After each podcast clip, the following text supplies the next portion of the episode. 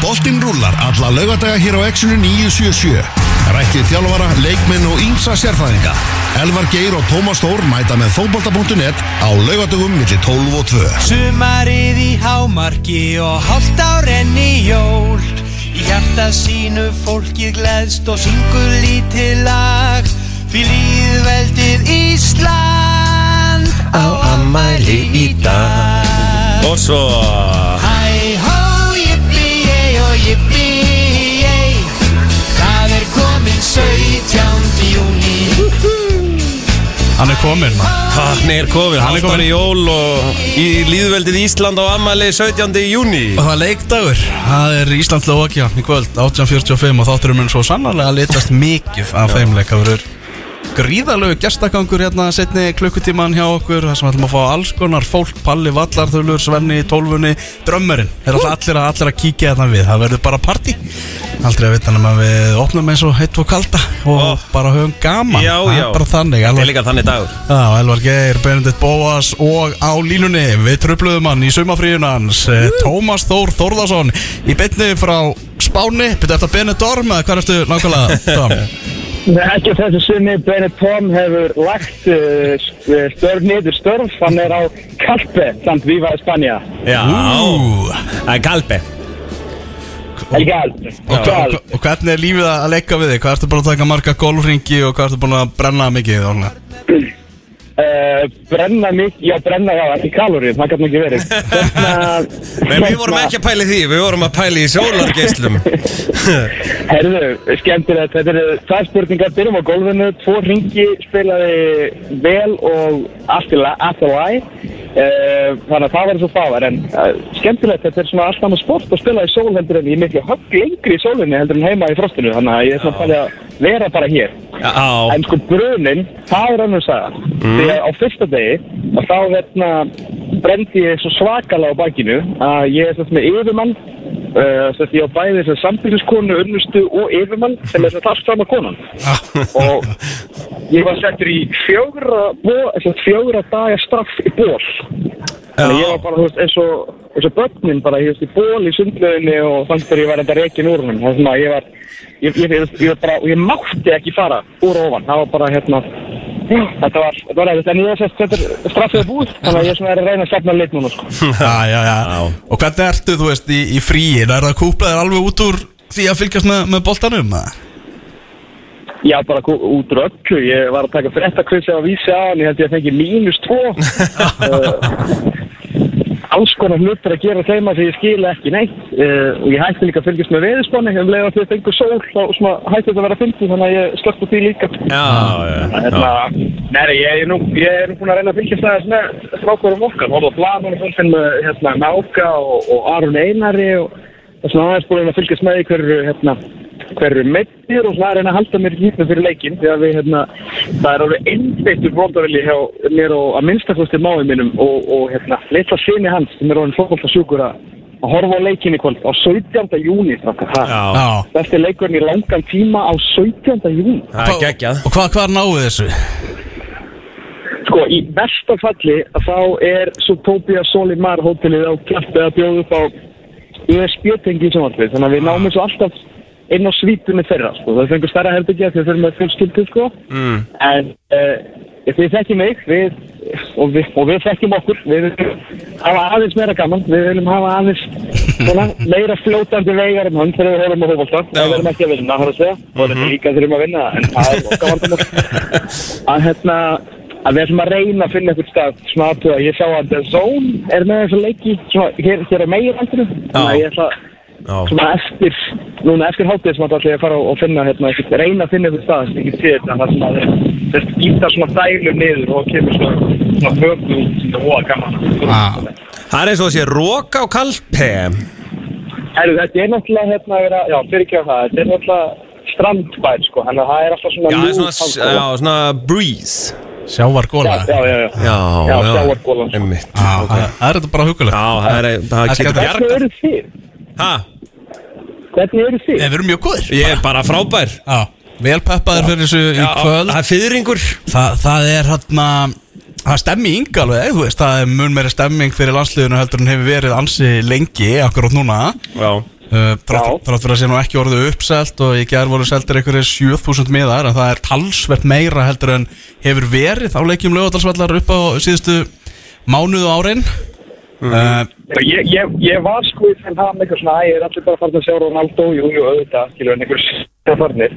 Þeir verða aftur á því að það eru 900.000 íslendingar í útlöndum. Sko. Já, já, það er það sko Og svo, svo er líka, uh, er þetta leikdags uh, veðrið Það er nú oft hannig að bara í hádeginu þá ákveður þessir síðustu 3000 Við ætlum að fara á völlin, það er gott veður, við grillum, við förum í fanzone Förum á Ölver, hlustum á uh, áka okkar og, og hérna, og skundum á völlin sko. Og það er svolítið- það er svolítið rétt sko sem að þú veist, Aron Einar er búin að vera að tala svo mikið um svona, þú veist, stemmingun og það vera að spyrja hún út í miðasöluna það er bara við verðum, við bara liðið við verðum að skapa þessa stemmingu Já, já. Og það er alveg ljóst að ef við förum í gegnum þessa tvo leiki núna og endum uppi með núlstig úr þeim þá erum við aftur eða svolítið komið á núlpunkti að reyna að búa til stemmingu kringu lið Já, já, Já, þe- þetta er nefnilega svolítið svona ground zero fyrir, skilur það sem að koma skal. Því að, eins og segir, þú veist, ef þetta hefði verið í sama farinu og, veist, og ég hef búin að vinna ótrúlega pérvinnu, við hefum eftir að sjá hvað hann gerir síðan, þú veist, á grasfum sjálfum yfir 90 mínútur á móti Slovakíu í kvöld, þar sem að það skiptir allt um,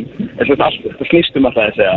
En fram að því, þú veist, allt sem hann er að gera frá því að hann var ráðinn, hefur að, svona, þú veist, í samblandi við, við strákarna og, þú veist, KSI er jákvæðari fréttir í gangi og þetta 17. júni og komið eitthvað svona smá vottur og sumri og svona. Þannig að, þú veist, mér finnst 7000 bara fínt, þú veist, ég bara, finnst frekja byrja eitthvað meira, ef það var 8000 þess að gegja, ef það er 9, fyrst, ef það er 10, sturla, skiljið. Já, já. En ég meina, same, same, zero, finn, með vinnum leikin, fullt á móti port, setjum einn fína veist, þá eru bara back in, en þetta er alveg rétt í orðin, þú veist, þeir verða, veist, það verða ekki, þú veist, það verða 3000 manns á leiknum í september ef við töpum út í Slovakíu, sko. það er nefnilega algjörlega þannig sko. Algjörlega þannig, ég er einhvern veginn þannig og hef alltaf verið og var líka þannig þegar við vorum að ná öllum þessum árangri. Leikdagsstressið hjá mér er alltaf þannig að ég er svart sín einhvern veginn. Því miður. Já, já, já. Já, mér, ég, Já, ég- bara er það ekki sko. Ég held að hérna sko Háræði að gæti náttúrulega sko sagt af sér sem landslýstjálfari núna og hann myndi samt fá fálkaorðuna fyrir að vera the world's greatest coach sko. Hann er geggjaður í PR vinnunni sko og KSI má fá allt róskili fyrir að bara snúa þessu skipi og fá meðvindin í seglin sko. Því að það er geggjað að búin að vera ég er náttúrulega búin að vera Erlendis líka og fylgjast með þessu fjarska og það er búið að vera unun þessi síðustu, hvað er þetta, 14 dagar? Er ekki 14 dagar síðan komið saman og þá sjötta, bara, þá komum við þetta saman já, og það bara bara oh my god hvað þetta er búið að vera fallegt sko. En með- ég, ég er einhvern veginn bara svona, þú veist, ef þetta gengur upp og við vinnum vera leik, bara veist, ef við töpum, ég bara, þú veist, maður kannski sér þetta með einhverju aðeins öðru ljósi heldur en aðri sem maður er búin að vera svo ógiflega náð þessu svo lengi. Maður, veist, veit að það er ekkert sjálfsagt að fara bara eitthvað að vinna Slovakíu þó við séum á heimaðökkum. Það eru, Já, já, nei, jú, nei. við erum komin með hérna, svona fór Aron aftur og Jóa, en þú veist, þetta er þess eldri Aron og Jói, veist, við erum með þessa eftirlu stráka sem er enda fyrir að sína okkur eitthvað. Þú veist, við erum með Guðlu Viktor sem er talaðurinn í öll byrjunalið en eins og svolítið að gefa mörkur með hörðbjörgun sem einhvern veginn allir núna er átt að segja því er að gefa veist, það er svo fullt af svona vondum spurningamerkjum í þessu liði þannig ég er svona að blanda bara þú veist, ef við vinnum þetta geggjast ef Ógi getur svo skatt á þessi mistök góður fyrir þetta er að hann er búin að tala við Lalla hver hatar mistök, Lalli. Hver hatar mistök? Ógi, þú veist hættum bara þessum mistökum, spilum bara smá fundamental veist, og vinnum þetta, verðum bara aftur gamla Ísland og og er náttúrulega bara að tala um það. Þetta er boltið sem við viljum spila þannig ég er svona, ég svona blanda af svona, veist, spennu þú veist, ef við töpum, ok þá bara, þú veist, höldum við áfram. En ég veit, sko, en það er bara ég, fattur það ég, ég, við verðum alltaf þarna, þú veist, það kemur leikur eftir leik eftir leikur um alltaf þarna, en ég hef áhyggjurnar mínar eru tap og, og það þarf einhvern veginn að tjekka upp stefninguna aftur fyrir september. Og því ég held að og ég bara, ég get ekki farið í 48 fleiri vittur, sko. En ég finnst bara eh, eins undarlegt og það er að segja það að hérna, og það er bara hvað Ógar Ræði er búin að vera geggjaður að þá finnst mér og, og hérna að íslenska liðið sé komið lengra en Slovakia að því að Slovakia er líka með lí, nýjan þjálfara og er í svona, svona transition dæmi og gera þetta jafntefli annað við Luxemburg og eitthvað svona og allt verður brjálað og bla bla bla og það er einhvern veginn Þú veist, mér finnst, ég er bara núna bara, já, við meina, við erum komið miklu lengra en Við Slóvakía gleifum því ekki að sló okkur unnur sem Bosníu menn sem Já, að koma það. sko, Já. tólftíntu okkur nei. Já, já, ég veit það En er, ég skil alveg, ég skil alveg hvað Bennar að fara. Já, Ég já, leiði, algjörlega. ég las fréttina hérna, það sem að ég las fréttina fyrir og talaði við hérna, hérna gömlega vinnum okkar, Lukas Stráflik, sem Já. er mikið að tala um hérna kringum EM og og ég hérna, uh, toppdrengur, toppdrengur og góður penni og hefur náð mjög langt á, á sínu ferli. Hann hérna, um leiðu ég sá að Marek Hamsek hefði ráðið, eða svona, þú veist, gefið honum pepp, landskjálfurinn. Já. Þá var ég bara, ah, fuck já, þú veist, þetta virkar mig bara sem eitthvað kósi ráðning, sko. Ég, ég, ég veit ekki hvort að Marek Hamsik sé eitthvað að taka beina stefnu á EM. Ég held að það sé bara ok, koma í landslið eitthvað og öruglega ykkur auðrar í þessu. Ég veit ekki hvað þetta er þá fá menn miklu, borga, miklu meira borga fyrir að spila fyrir landslið sín, það er ekki verið eitthvað hundra áskall og stig, sko. Þannig að, veist, ég hef ekkert fyrir mér í og þetta getur annarkvæmt verið svona, skilur, ég ætla, ég ætla að vera með þennan þjálfara og ég ætla að leiða liðið á EM. Kannski er það eitthvað hugsunum hans, en ég er svona sem ég að vona og ég held að þetta sé bara eitthvað með að ég ætla bara að komast aftur í búningin, vera smá þjóðhetja og þessi þjálfari lætur mig ekki taka spretti, þú veist, þegar ég þarf að taka spretti, þá fyrir ég bara að fá mig vasklas. Já, ég vona svo sannarlega að þetta sé nákvæmlega þannig fílingur sem er í gangi eh, Slæma fréttir náttúrulega úr okkar herbúðum í gær að Arnór Sigursson vegna nára meðsla getur ekki tekið þátt og hann hefur verið bara einn allra besti leikmaður íslenska landslýsins núna síðustu mánuði? Já, ég er ekki viss um að fólk fatti hérna, af því að ég followa hérna Discovery, þess svenska á, á Twitter, ég hveti alltaf til að gera það og fá hérna svona svenska fótboltan þess Discovery fútbol á, á hérna Twitter. Og fá bara allan svenska bara svona kjarnaðan fyrir ykkur. Uh, Artur Sigursson er bara besti leikmaðurinn í allsvösku mm -hmm. hann er topp þrýr og þú veist, það er ekki svona að ræða þetta Þú veist, ef þú myndir segja topp 5 þá eru þau bara tæklaður í Svíþjóð. Men hann er bara búin að vera algjörlega og hafði sér startið og hann er bara, hann er topp 3, topp 5 í, í dribbles og sendingum, skotum og markus. Gæin er bara búin að vera með kveikjara og bensín að kveiki þessari del. Þannig að, þú veist, þarna var gæi, þú veist, on fire sem við þurftum að fá. Þannig að þetta er alveg proper vonda breytir, sko. ah. og nú náttúrulega fréttir sig hann að því að hann er mögulega á leiðinni í ennsku Championship-deltina þar sem að Blackburn Rovers hefur áhuga á hann Já, þú veist, er ekki Jóndan Tómas sem að þjálfa að blakka? Jó, Já. næstu Það Íslandingur er gæði með Já, svona, já, ég myndi að vera eiginlega meiri hérna, Já, þetta er, er ekki gott þetta En hérna, ég, ég er samt, það er svo margt í þessu og, og svona, ég þakka frikalega til að sjá liðið Er þið með eitthvað pælingar að Nei, er þetta ekki þú erum bara miðverðina Þú veist, er, er Gulli veit að miðverðina bakur Ég held að hann sé miðvörur Við vorum, að, við vorum að reikna með honum í miðvörðin Svona fyrir þátt, sko. Og, og okkar maður Læs frá Borgálskóla Æsland Verði hægri bakurinn um Lundalinn Nei, við vorum með samstætt Já, Nei, nei, Lundal fyrir Já, mér finnst það, ég meina, þú veist The world's greatest borgaráld skóla já. Sæn, sko. Mm Svo er hann, já Hörðu Björgvin við svona spáði því að hann fara aftur í vinstri bakverðin Já, ég held að sé Lundal, Gulli, Sveppi og hérna og Hötti Björk sko. Já, Svo erum við að tala um eh, já, Aron Einar Jóhann Berg náttúrulega á miðjunni Albert Guðmundsson og Jón Dagur á, á köntunum Hákon og Alfred. Það sjáum svona fremstu stöðunar Uh, ég held, ég held að, ég held að, ég, ég giska á aldrei vera á bekk, Hákon frammi og, eða Hákon, Hákon aldrei á hverjum stöðun en, en aldrei þörfi tíu í kvöld. einu svona, ég mista þessu. Já. Hvað séru? Sjávarkólan var Sjáar, aðeins sjáargólan kom hann Sorry, sorry, sorry, ég gekk í rangátt, ég sagði verður í tíunni í kvöld, Ah. þannig að Hákon og Albert er að berjast um, um framherra stöðuna, held ég, nema Hákon var eitthvað farður út af alltaf alltaf sig, en hann er búin að tala allt og mikið um Albert uh, Guðmundsson til að starta honum ekki til spil. Nei, og svo náttúrulega, þú veist, mæ, tveir sem eru valdir í hópinu uppálega, ekki bara Arnur, þetta er líka náttúrulega Mikael Andersson. Mm. Þeir detta út, sko. Þannig að að það ykkur náttúrulega ennþá líkur á því að Albert byrji þannig að leiki kvöld. Já, ég, en það væri svo skrítið að, að hérna, byrja fyrsta fréttarmöndum að segja að þetta er frábær og svo segir hann sér aftur frá sé besti tekniskasti leikmaðurinn. Svo fyrir að kalla um að sjá hann sem hérna, miðjumann. Og við vitum að Albert náttúrulega á Arnars hóstímanum eða vildi ekki verið lægstina því hann var bara með því var ómikið út í kaffi eða vildi ekki verið lægstina það var bara uppi úr deilu skiljið mig. Þannig að það er svona spes ekkert en að starta um á veistri kantinu með kvöld.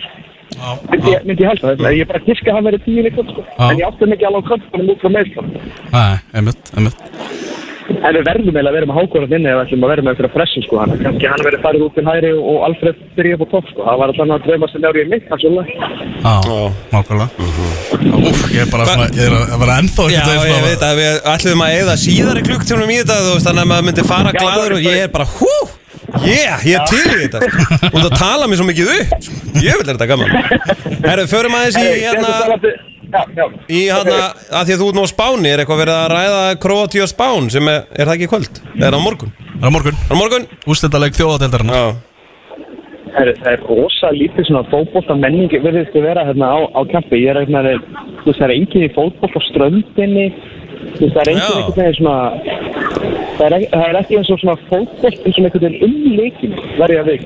Já, ég mun svo mikið halda með Kroatíu á morgun bara út af einu manni sem heitir Luka Modric Bara Já, en ég sendi ykkur mynd í gær að Ívar Rækjart er get betri. Það er ekki satt vatna um Modric já, Já, 100%, 100% sko. já. Og ekki En geggjaður þetta úrslitum Já, það er frábært. Já, Herru, maður þarf að bóra salatum með þetta? Já, fara bara Rokkaról Herru, takk fyrir að hengja taka mér. Bestu kveður til Kalpe Já, Tómas Þór í sumafriðinu sínu en fær Átti hann að gott kortir bara í sumafríðinu Já, já, það er, bara, það er aldrei frí þegar maður er Nei, svona djúft nei. í íþróttafrétta mennskunni það, það er bara þannig. En hann var að tala um hann Lukas Frablik sem að uh, félag okkar uh, slóvakískur Já. íþróttafrétta maður sem að uh, við kynntumst fyrir mörgum árum síðan og hefur um, verið í, í svona góðu, góðu sambandi við. Og ég rætti við hann eins og Tóm sagði um svona slóvakíska liðið og þennan leik og svona og er með nokkur svona búta úr því Ok. uh, símt, uh, það er svona tvo búta sem ég ætla að spila stuttabúta og uh, ég byrjaði að spyrja hann út í uh, byrjum, byrjum að spila hérna búta sem ég spyrja hann út í Marek Hamsik sem var náttúrulega hættur og er hættur í fótbolta. Hann er búin að leggja skóna á hilluna ætlaði að spila svona síðustu landsleiki síðasta november en þjálfarinn hann fór bara að skellja hérna núna og baðan um að koma aftur. Hann þyrfti á hann um að halda ykkur meðsli á miðsvæðinu þurfti að fá svona sköpunarglæðan leikmann og Hamsik náttúrulega bæði markaðistur og landsleikja hæstur í sögu Slovaki og nei þetta, Nei, þetta var góð kynning einhverja síður og uh, Já. meðan að uh, já, sko, tengingar uh, Hamsík og þjálfarans uh, Francesco Calzona Cal, ég er ekki Calzona, hann er hérna þau nála alveg til Napoli tímumbilsins þar sem hann var aðstofamaður uh, Maurizio Sarri Já. og uh, þeir eru bara miklir vinir á, það er búið að loka á hérna að sé hægt að spila út með þess að búta ekki um Facebook sko, held að það sé, það sé búið að loka á það dæmi sko. Já. Já, en allavega ég, Ok, spur, já. ég, ég spurði hann út í þetta og hann, og hann hann, já, talaði um svona þessa, þessa tengingu og það sem að Tóm var að tala um að eða bara svona Marek Hamsik valdi þennan landslistjálfari á sínu tíma sem út að hann var já, aðstofaþjálfari hjá Napoli og mm. hann sem gerði það verkum að hann, já, hann bara bara valda hann, við skulum, eh, ég að ég geti spilað þetta svona bara, það ekki Marek Hamšík return is kind of like uh, the big story because he actually retired from the international football in November. He had farewell game against uh, Chile in friendly in Bratislava. He retired uh, like uh, also from club football, like tot- basically from all football. Uh, now, you know, a couple of weeks ago, played his last game for Trabzonspor, and uh, he doesn't play to he doesn't plan to play anymore. However, now the situation got complicated due to absences in the midfield, especially Benesh and Duda. Uh, coach Francesco Calzona basically has no one to play in the midfield, like in the creative role. So he asked Marek Hamšík to return just for these two games, even if he's basically a pensioner now in footballing terms. So uh, he returns just for these two games. Also, this has a background because Calzona was basically recommended to the Slovak Football Association by Marek Hamšík. They worked together for many years at Napoli, so he recommended him, and that even if he was assistant coach, he would be good enough to lead the national team. So it's kind of like helping hand for Calzona as well from Hamšík. Já, þannig að það er svona aðeins að, að útskýra þetta Þetta er náttúrulega, sko ef við horfum bara á pappirna og uh, svona slóakar þekki ekki marga í íslenska landsliðinu og við landsliðstjálfari slóaka, sló, uh, Karlsson, hann talaði um það að íslenska landsliði sem er svo rétt í ánum snýst um svo miklu meira heldur en stórun upp þetta bara íslenska landsliði snýst um liðseldina Mhm. en uh, þegar maður horfir á svona þú veist líklega byrjunarlið hjá eða líklega byrjunarlið hjá Slovakíu fyrir þennan leik Já. þá erum við að tala um Martin Dubravka, þinn mann. Minn mann, í, í, í markinu, við erum með að tala um Milan Skriniar hjá Inder í vörninni sem er svona búið að setja eitthvað spurningamarki við leikaðvinguna í honum reyndar núna. Uh, á miðjunni við að tala um Stanislav Lobotka sem að er svona þeirra stærsta stjarnar í dag. Já, Napoli-gæðin Já, Já, og, og sko hann var ekki bara ítaljumestari með Napoli, hann spilaði hvern einn og einasta leik í serju A Já. sem djúpur á miðjunni þegar þeir unnu titilinn. Uh -huh. Marek Hamsik með honum á uh, miðjunni. Þannig að þetta eru svona, það eru nokkur, nokkur stórnöfn þannig E, Já, já, klálega, ég meina Dubravka er ekki lélugur markmaður um það verður ekki deilt. Mm Það sem mér fannst alltaf svolítið þegar ég var að lesa þetta viðtal þú veist, uh, þessi hérna, mannstætti Vladimir Weiss Já, já. hann er sko besti leikmaður í slovakísku dildinni og er eitthvað miðmaður og, eitthvað, og þetta, er, þetta er eitthvað skrítið sko. Þeirra þeirra samband sko. Já, hann vildi ekki hann vildi hann ekki Það er Weiss- tvennum sögum um en, en, en þjálfarinn alltaf segir það að Væs hafi ekki viljað spila fyrir liðið Þannig að hérna, já, já, og og úr verður að hann uh, nær þarna í, svolítið fyndið að segja að hann er svona, að hann sé orðin ellilífyrist þegi, sko, ég veit ekki alveg með það, uh, verandi 42 ára sjálfur, sko, en hérna, en stemming og stuð og hérna, Já, ég spurði Lukas Rapplik líka bara hva, hverju búa Slovakar við frá íslenska liðinu í, í þessum I would say that uh, Slovakia expect uh, Iceland to play as Iceland played at the major tournaments because that's the mm, that's when uh, the majority of Slovak fans uh, have watched Iceland. They didn't really watch other games, maybe only some at the Euros and uh, World Cup. So this depends on uh, basically this. All depends on this and I expect uh, Iceland to be kind of like dangerous opponent. I would say that will be really hard to beat. Uh, at the same time, Slovakia mm, tries to play now against Kalcona uh, a new system which is more proactive to keep the ball more to try to create and not just wait for the opponent. So I'm quite curious about how it will look like. Also, at the same time, people in Slovakia understand that Iceland isn't as strong as they used to be a couple of years ago with all the major tournaments. So you know, that's also why the ex- expectations will would be pretty high, especially if they expect the Slovakia to progress to the Euros. já, mm, Já, Haræði náttúrulega talaði líka um bara, þú veist, að undir stjórninni hjá Kalsona, þá væru þeir bara orðnir klassíst fjóri því þrýlið. Mm -hmm. væru með annan bakgrunn en við og væru svona austur-evrópst lið sem að myndi skilur við hérna hvað sem maður, hérna taka svona maður og mann og allt hannig en hérna eins og þessi, ég baka ekkert með það. Mér finnst hérna, mér finnst bara við vera komin miklu lengra, þú veist, við erum bara með Jóa og Aron á miðjunni til dæmis, við tölum bara um það. Þú veist, og nú er ég ekkert endilega, þú veist segja að Jói og Aron séu að fara þú veist, að gera eitthvað á miðjunni gegn þessum Lobotka sem að dómineraði ítalska miðju í allan vetur sko. Veist, og fór í undanúslit en uh, þú veist þeir tveir á móti honum það er gott sko. Þú veist. Já, já. Þannig Og, og það sem er nú líka svona eftir þetta jafntefla á móti Luxemburg það var allt á söðu punkti. Þannig að það er það má lítið út að bregða hjá slókum til Já, þess að, já. að allt fari í upplöst sko. Það er alveg hrikalega mikil pressa á það og þeir eru búin að fara á síðustu tvö Evrópumót. Mm -hmm. sem er stórt. sem er risastórt fyrir þessa þjóð og, og þeir sjá hann möguleika á því í þessum reyðili, bara rétt eins og við gerum og bosníumenn að fara með á EM í Þískalandi og þetta er alveg gríðarlega gríðarlega mikilvæg leikur sem er í kvöld og miklu mikilvægri heldur leikurinn á þriðjudaginn sem eru uppselt á á móti Portugal en það er einn maður sem heitir Cristiano Ronaldo. Já, hann trekkir aðeins að. Já, hann gerir það alveg. sko. Það er svolis já, já, já, ég er bara hérna ég er bara orðin ógeðslega peppaður. Ef það er, uh, þú veist, mér finnst einhvern veginn svona, úff, þú veist, bara þegar maður vaknaði morgun og það var eitthvað það var eitthvað í loftinu, sko.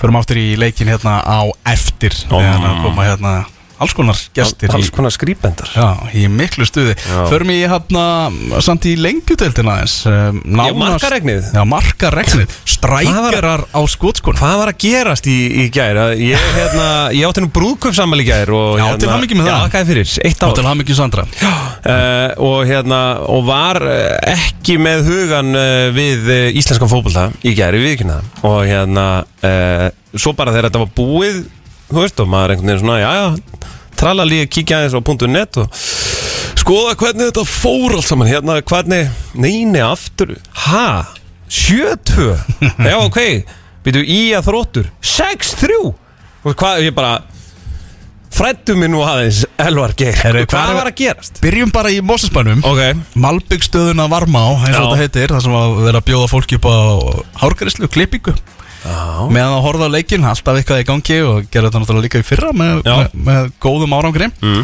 Heru, og þar var þessi ljómandi fíni fótballtaleikur með það afturhaldingar og Njarðvíkur þar sem að uh, Njarðvík kemst yfir í þessum leik. Já. Á tíundu mínútu. Mark Mark Osland hann uh, skora sjálfsmark síðan á 15. mínútu. Svo bara byrjar þetta. Þetta var bara, veist, að fylgjast með þessu leik það var bara færi í hverri sóknánast og afturöldinga meðan Maggi Ból bara eitt skemmtilegasta lið landsins ef ekki það skemmtilegasta eins og staðan er í dag.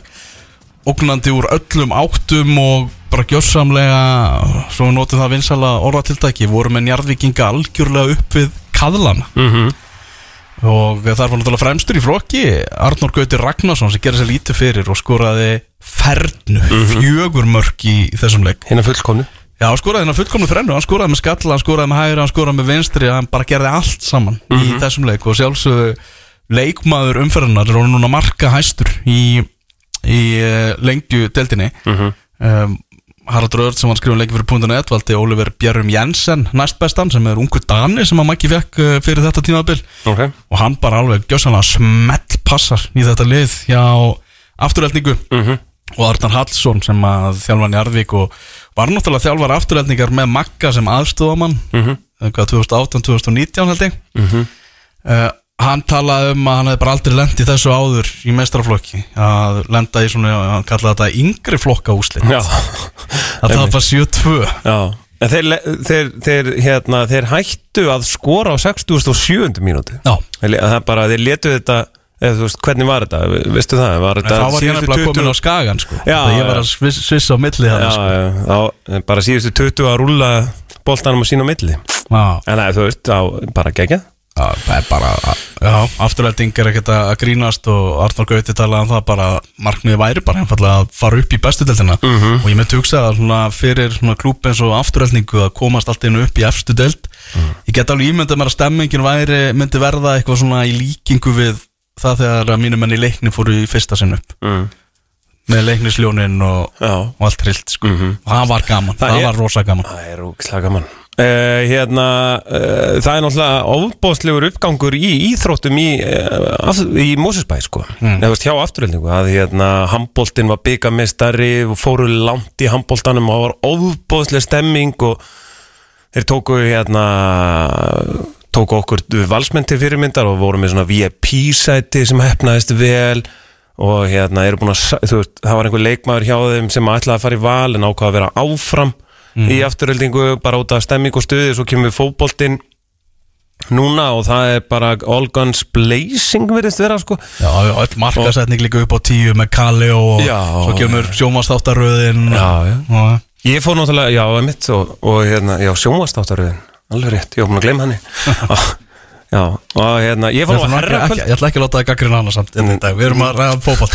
Þú fórst á herrakvöld hjá Ég fór á herrakvöldi hjá afturöldingu fyrir hérna, tímabilið og sko bara það var eh, eins og er í dag einhvern veginn, það var eitthvað í loftinu það var alveg ofbúð það var bara tróðfullt íþróttahús og allir svo gladir og allir svo jákvæðir og, og hérna endaði náttúrulega á því að Kali og tróð upp hann klukkutíma áður en þeir átt að fara til sko Nýja Sjálands eða eitthvað sko, þetta var bara með ólíkindum. Og hérna og þeir bara hendu í hérna nokkra, veist, nokkra slagara sko bara aðeins að hitta sig upp.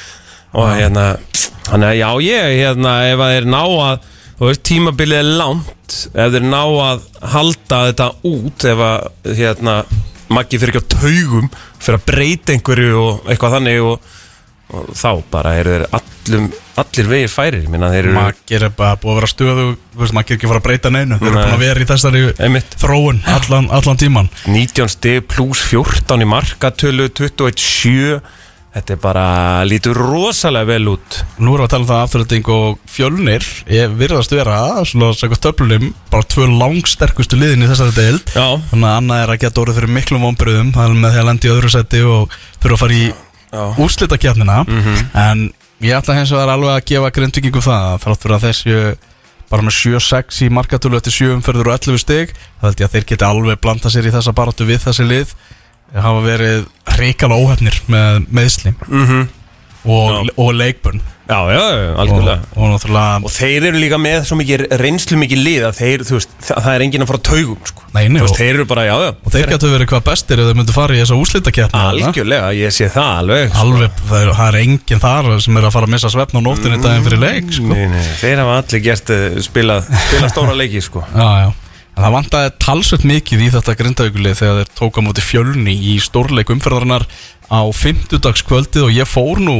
til Grindavíkur. Já, virkilega gaman og þar er, er, var góð stemming og hörku fótboltaleikur þar sem eina mark leiksins kom á 39. mínútu og uh, það var uh, fyrirliði fjölnismanna Hans Viktor Guðmundsson sem að skoraði þar bara alveg hann brá sér í hlutverk bara strækas í fremstu röð. Það?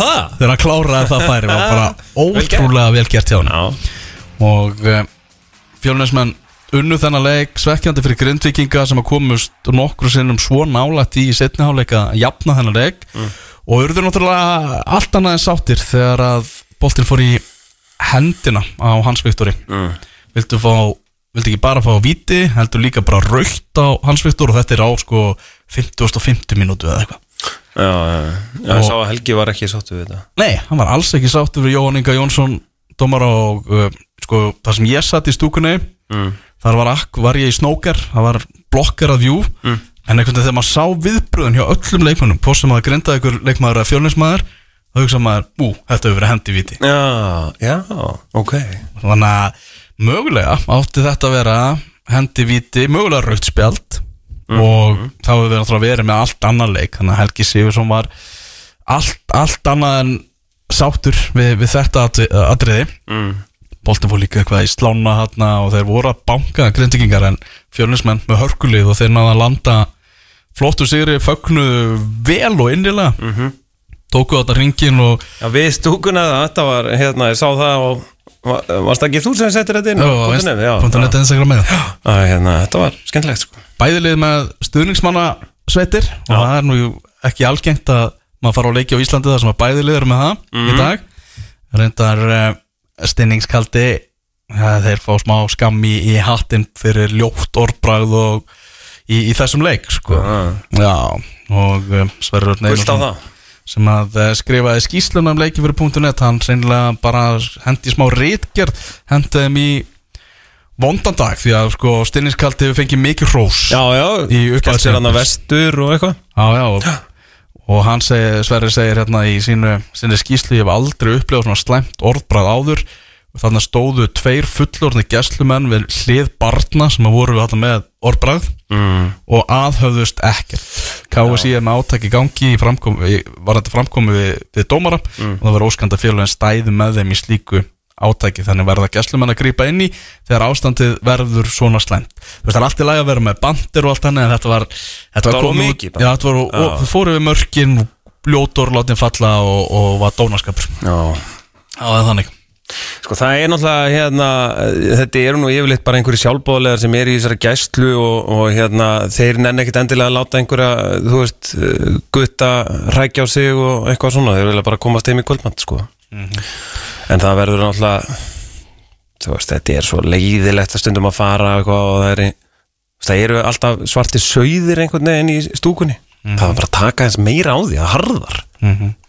Þannig svo að segja, vantaði fjóra svona líkilmenn í grindaðíkulið í þessu leik. Þannig að ég held að þeir geta alveg blanda sér í þessa, þessa barátt Og ég bara algjörlega að þetta eru þrjú sterkustu liðin afturhending og fjölnir og svo svona Grindavík sem er rétt á eftir eins og, eins og staðinu núna í, í upphæði móts. Mhm.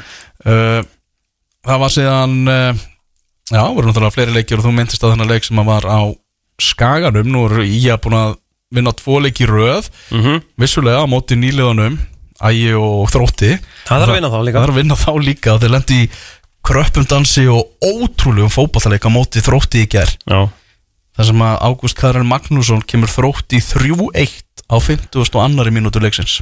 Og fór nú um margan skadamannin fóru margan skagamann það var bara, hvað heldur þú að Jón Þór Haugsson hafi verið að í heitu sæti á bekknum hafi verið að hugsa á þessu tímapunkti? Úf, það var eitthvað því að ég meina hann hérna gerir allavega einhverja breytingar e, það tvær á 50 og 50 og skoraði ekki bara strax á eftir?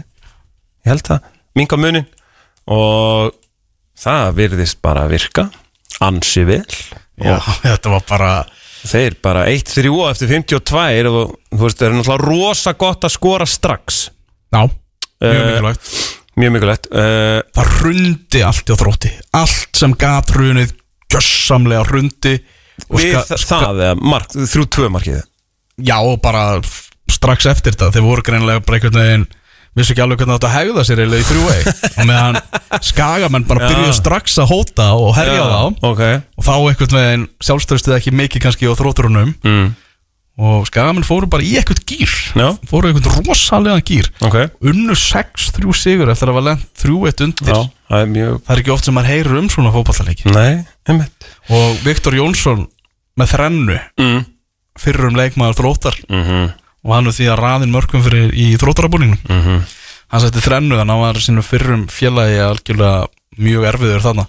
Og mikill léttir, maður er það og maður sér það bara á skagamönnum á samfélagsmiðlum. Svo Brynjúlu Þór fréttamaður, hann var að tala um það að Hann væri, hefði þarna í stöfunni 3-1 bara verið farin að skoða hvaða lið er að fara að mæta í annari deildina á næsta tímabili sko. Bara búa sig undir að, fara til Húsavíkur og, og, já, Ok, farið kvala skoðun fyrir leik. Byrjar að já Já, þetta er hérna Ég meina Þú veist að fá þessi fimm mörg Í setni áleik hjá þrótti. Það er Er það ekki áhugja efni? Er það ekki von? Það er bara sko. Það er bara ekki gott, sko. Nei, þetta er alveg blöyt í, fyrir, fyrir þá. En þróttara, nei, annars skagamenn veist, Það segir sitt um þessa deild að skagamenn með þessum sigri Mm. Í töflunni eru þeir skyndilega konur upp í fjórðarsæti Já, já, einmitt Akkurat. En þetta er náttúrulega svakalegu pakki í deildinni. Já. En allavega þá bara geta þið byggt ofan á þetta Þeir eru komin með fleiri stiga á töfluna og nú þurfa þeir að fara svona bara að spila betur. Já, já Þósarar, þeir elska að spila á heimavelli Þeir bara gjör ólíkt lið á heimavelli og, og útivöllum Já. Eru þeir að læðast upp? Já, þeir eru í þriðasæti Já, ég er að segja það, þú veist Og- að mér, mér veist alltaf verið að tala um sko heitt kalt, heitt kalt, heitt kalt. Þú veist, annarkvæmt vinna er að tapa Sko á KSI mm. þá er svo möguleiki að maður getur ítt á þegar maður skoða stöðutöfluna heimaleikir og útileikir. Já og ef við ítum hérna á heimaleikir Já. þá er Þór í efsta sæti deildarinnar með 12 stygg Já, en ef við ítum eins og það er á útileikir þá eru Þósarar neðstir með 0 stygg Já. Já. og markatöluna í þremuleikjum 0-10 Vá. Það er bara allt, allt annað fóslið sem að mætir til leiks á útivöldum og er að Já. spila á akkurir Já. Það er Það er mjög merkilegt en þeir fíla sig heima Já. en mjög svo tæpur sigur hérna á móti selfisingum í gær. Alexander Már Þorlóksson með bæði mörkin fyrir Fósara, Gonzalo Samorano sem að minga sig að munin og það var þungt yfir Dín Martin eftir leik. Talaði um öll færin sem hefur klúðrað og svo náttúrulega klúðraði vítaspinnu á 80 og annari mínúti þegar Guðmundur Tyrfingsson fyrirleði skýtur í stöngina. Þannig að eh, hann var bara svona hálf sjokkaraður Dín Martin yfir því að selfisingar hafi farið tómhendir frá þósvelli í gær. Já, ég meina Jóhann Þór Holm Grímsson sem skrifar skýsluna á .net segir bara ótrúlegt að selfisingar hafa ekki að minnstakosti náði stig.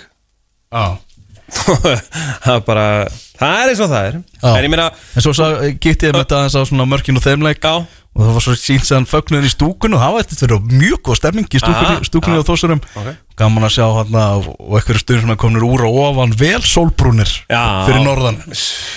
Svo gula, svo gula. Svo gula, hún er að gefa þar. Herðu á uh, Fymtudaginn einnig þá vann gróta 2-1 sigur á móti ægismönnum og þetta er bara sama sagan hjá ægismönnum einhvern veginn gefa öllum leik en þetta er ekki að ganga upp að mm. klúðruðu víti stöðunni 0-0 við klúðra víti sko á 60. mínútu Mm. staðan er 0-0 lenda svo undir 5 mínútu setna þegar Pétur Theodor Átnarsson skorur úr víti fyrir hinum einn Pétur Theodor Átnarsson kemur síðan gróti í 2-0 og Brynjólf Þór Eithósson sem að mingar munin Mm.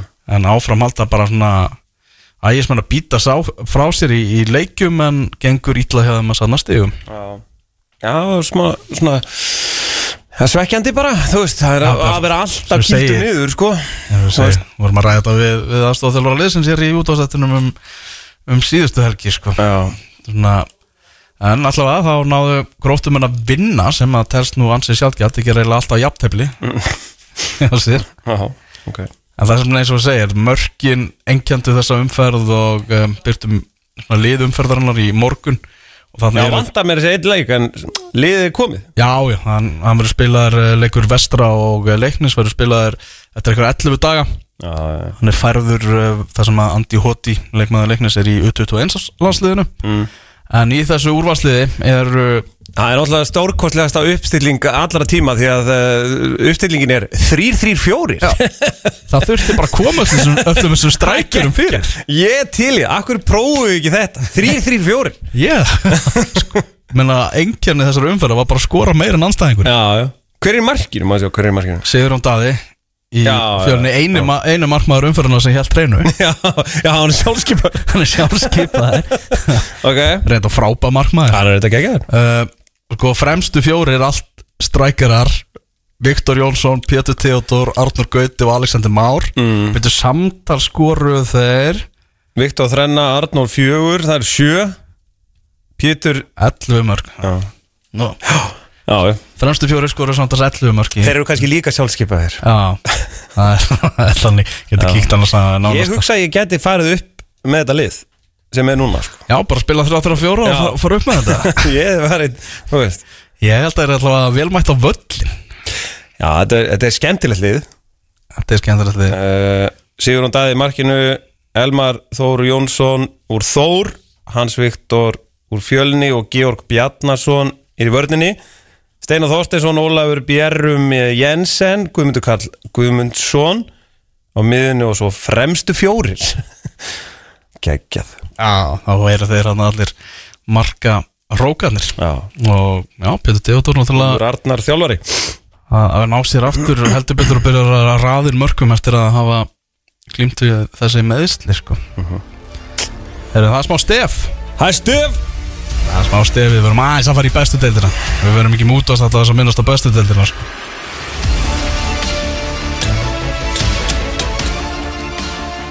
Í uh, síðasta yngkasti þá uh, opinbyrjuð við val á úrvalsliðu umferða 1 til 11 í bestu deildinni. Sleftum því að velja besta leikmannin og ákveðum að setja það í hönd lesenda. Uh, Lesendur sáum að kjósa. Við uh, völdum fjóra sem hægt var að kjósa úrum me, kjósa milli með aðdáðandur Tryggvar Raps Haraldssonar mjög ósöttir við okkur. Aha, Já, að við höfum ekki aðdáðandur hópur hans uh, hefur verið að senda okkur heitmeil yfir því að hann hafi ekki komið til greina sem einn af þessum fjórum. Það eru þrýr leikmenn Vikings og einn leikmenn Breiðablík sem við tilnæmdum nú, ok. Og kíkjum á þetta. Í fjórðasæti er Oliver Ekroth hjá Vikingi það er eh, 7% atkvæða. Frábær varnamæður Tó hann fór svo langt að hann var eitthvað að blanda Vítits og Maldini. Ok. Hann er búin að vera magnaður í Já, já, hann á þetta alveg Ok, í þriðasæti Luigi. Focus Já.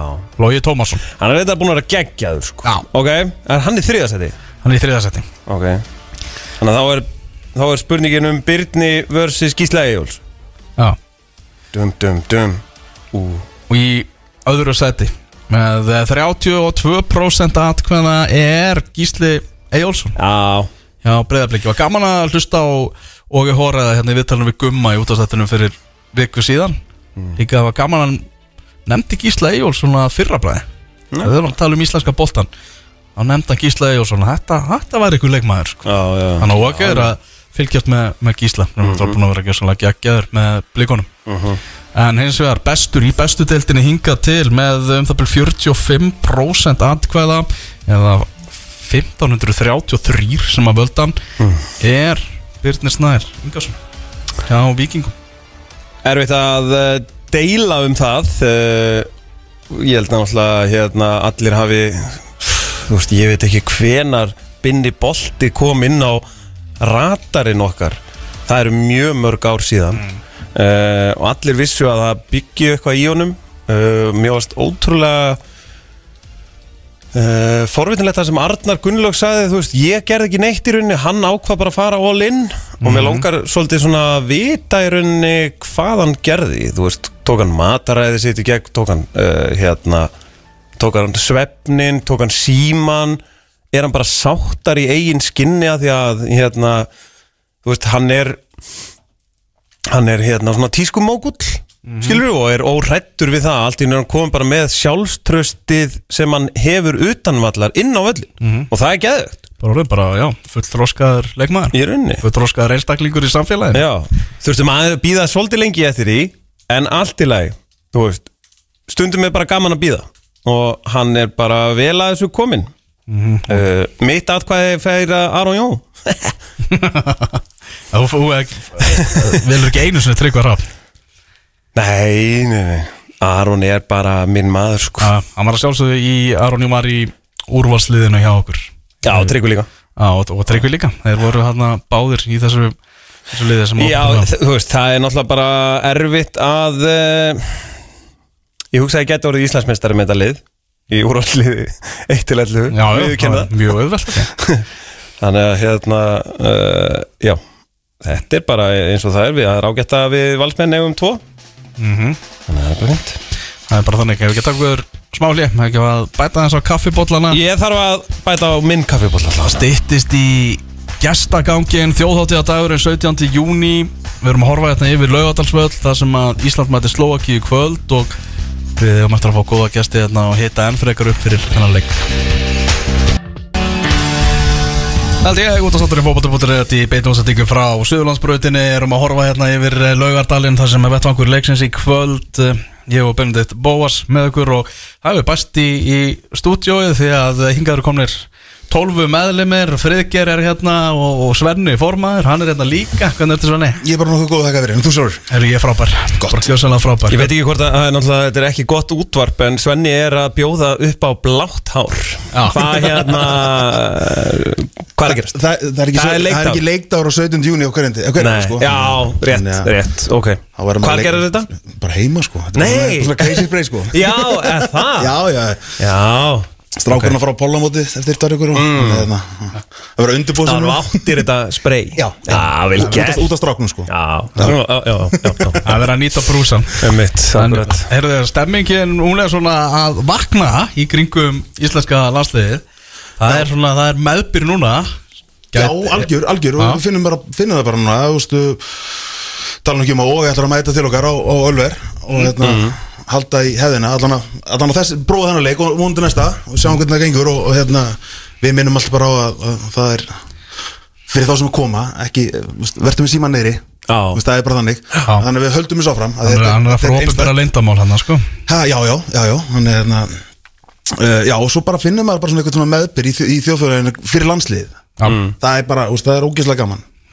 Þannig að Ég var að mynda að segja við strákana í upphafi uh, þáttarans að hérna, það er mjög furðulegt að segja það að uh, sko, Horæði geti sagt af sér núna, bara akkurat á þessari stundu, en hann var samt eiginlega hann var kannski svona annar besti landslið þjálfur Íslands frá er upphafi annar ásælisti þjálfari. Hann er búinn að vera Já, ásælast er rétt Hann er geggjaður. Já, já, og, og maður sá það bara svona í raun á fyrsta fundinu þegar hann var tilkynntur að, að þetta var eitthvað svona var eitthvað annað að gerast skilur Ég veit, það var bara að hann fór í einhver fótspor lalla sem að bara við elskum og dáum sko. Já, já, Lars og Heiminn alltaf tók þetta hérna á pínu, pínu annar, annar, annar, annar stig hérna varandi að díla við ykkur, mm. fjölmjöluna og, og þessu þar og ég held að og sé bara Já. fetið þess fótspor sko. Er ekki ánæði með að hann sé að fara að koma á Ölver og hérna bara ræða við ykkur hvað hann ætlar að gera, hvernig hann sjáu leikinn bla bla bla og allt þetta? Jú, við erum það og hérna, hann talar alltaf um að, að Lars hafi gert þetta. Já,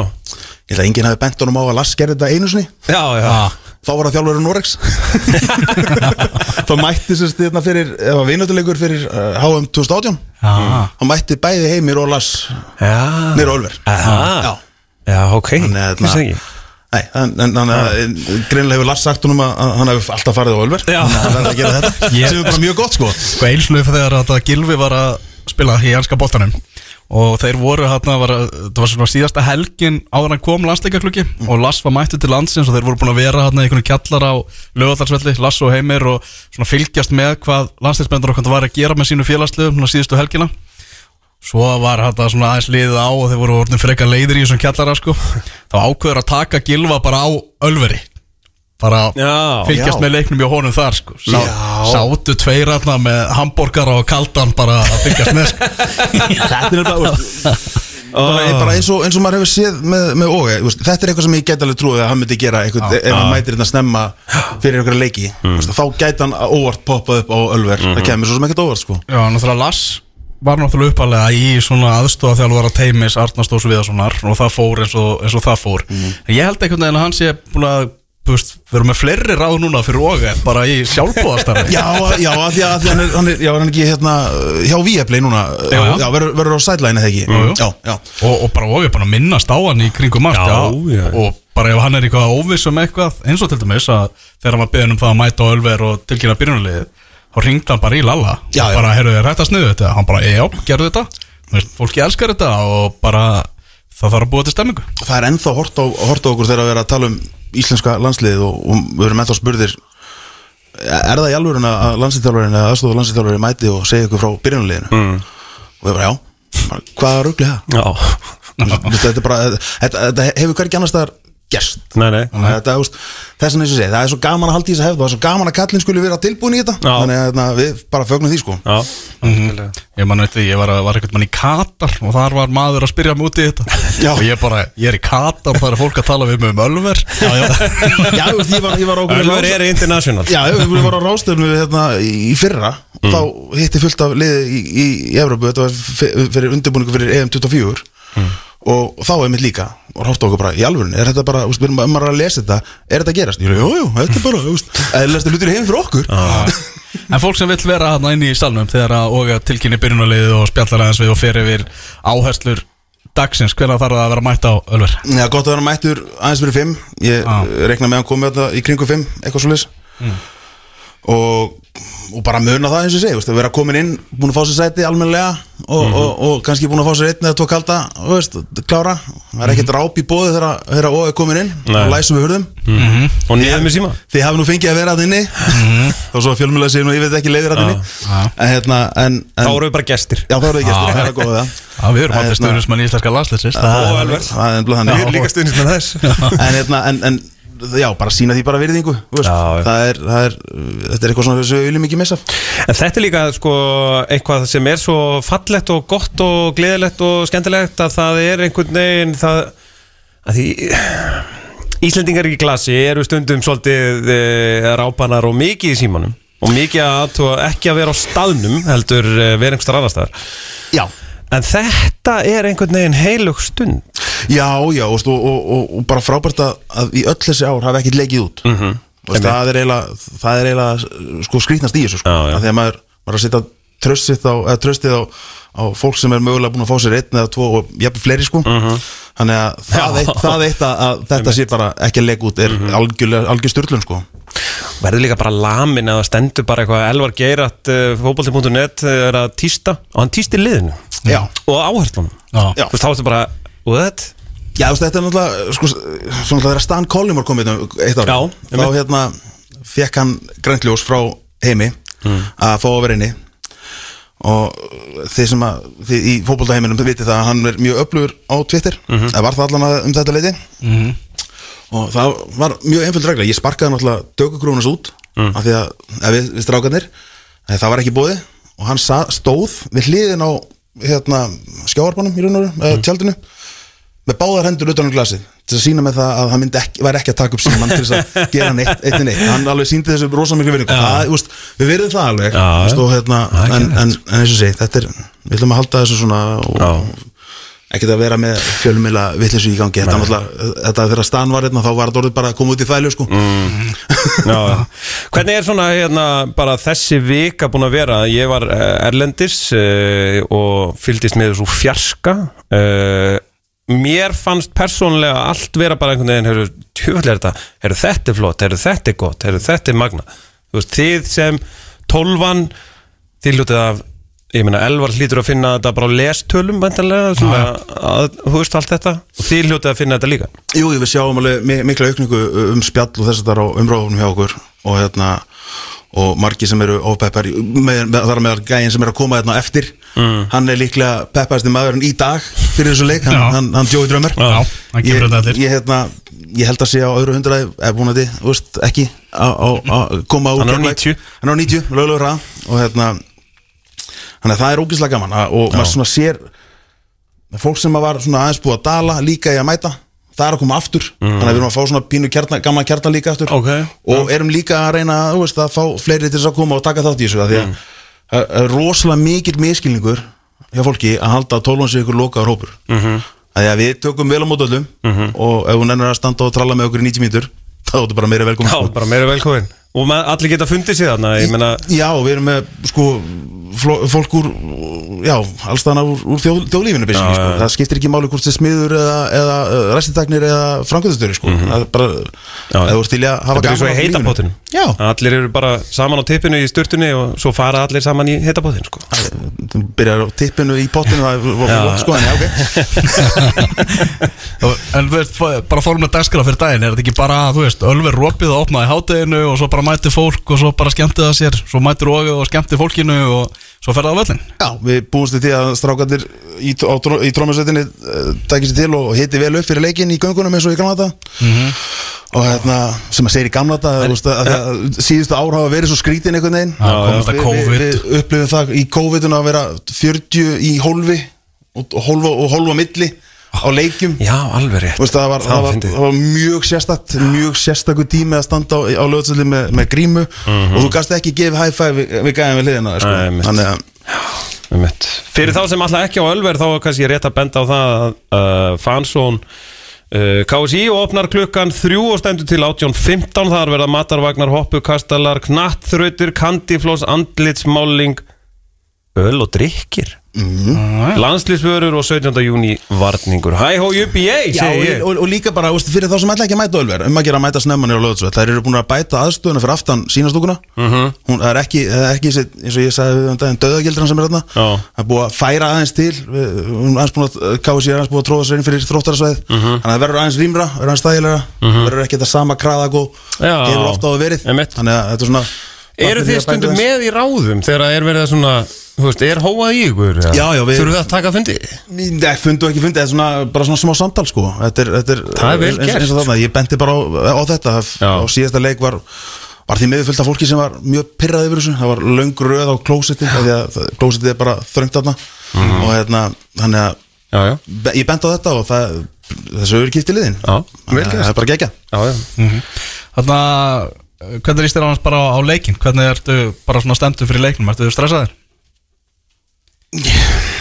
Er ekki alltaf sagt að með nýjum þjálfara þá, og, þegar kemur nýjum þjálfara þá vinnum við alltaf fyrsta leikin Er það ekki svona einhver mýta í að, að, að, að, hérna, að það gerist? Eða eftir að þjálfarinn er ekki hvernig það er. En hérna, ég er mjög spenntið fyrir þessu leik. Ég held að, að hópurinn er flottur. Menn eru klárir í, í, í þetta mál. Uh, flestir svona nýlega búin með sína deildir. Þannig, að, hérna, þannig að það er ég að er ekki bara Aron eina sem er búin að vera fyrir í mánu Jú, ég held það rauninni, sko það er ekkert- Þannig að ég held að strákarnir eftir að koma bara ógeðslega hressir og kátir og, og ég Ég, vona, ég, ég býst alltaf að þreim punktum með það í löðunum Alveg sama Já. hvaða lið er að koma mm -hmm. Arsenal að segja þetta, veist, við spilum mútið hollendingum og það var eiginlega bara svona krafan og ölfur að við verðum að fara að taka Ég og það. er. náttúrulega- vantar hérna hinum meira að búa til aftur þessa, geggjuðu grifi sem hún var sko.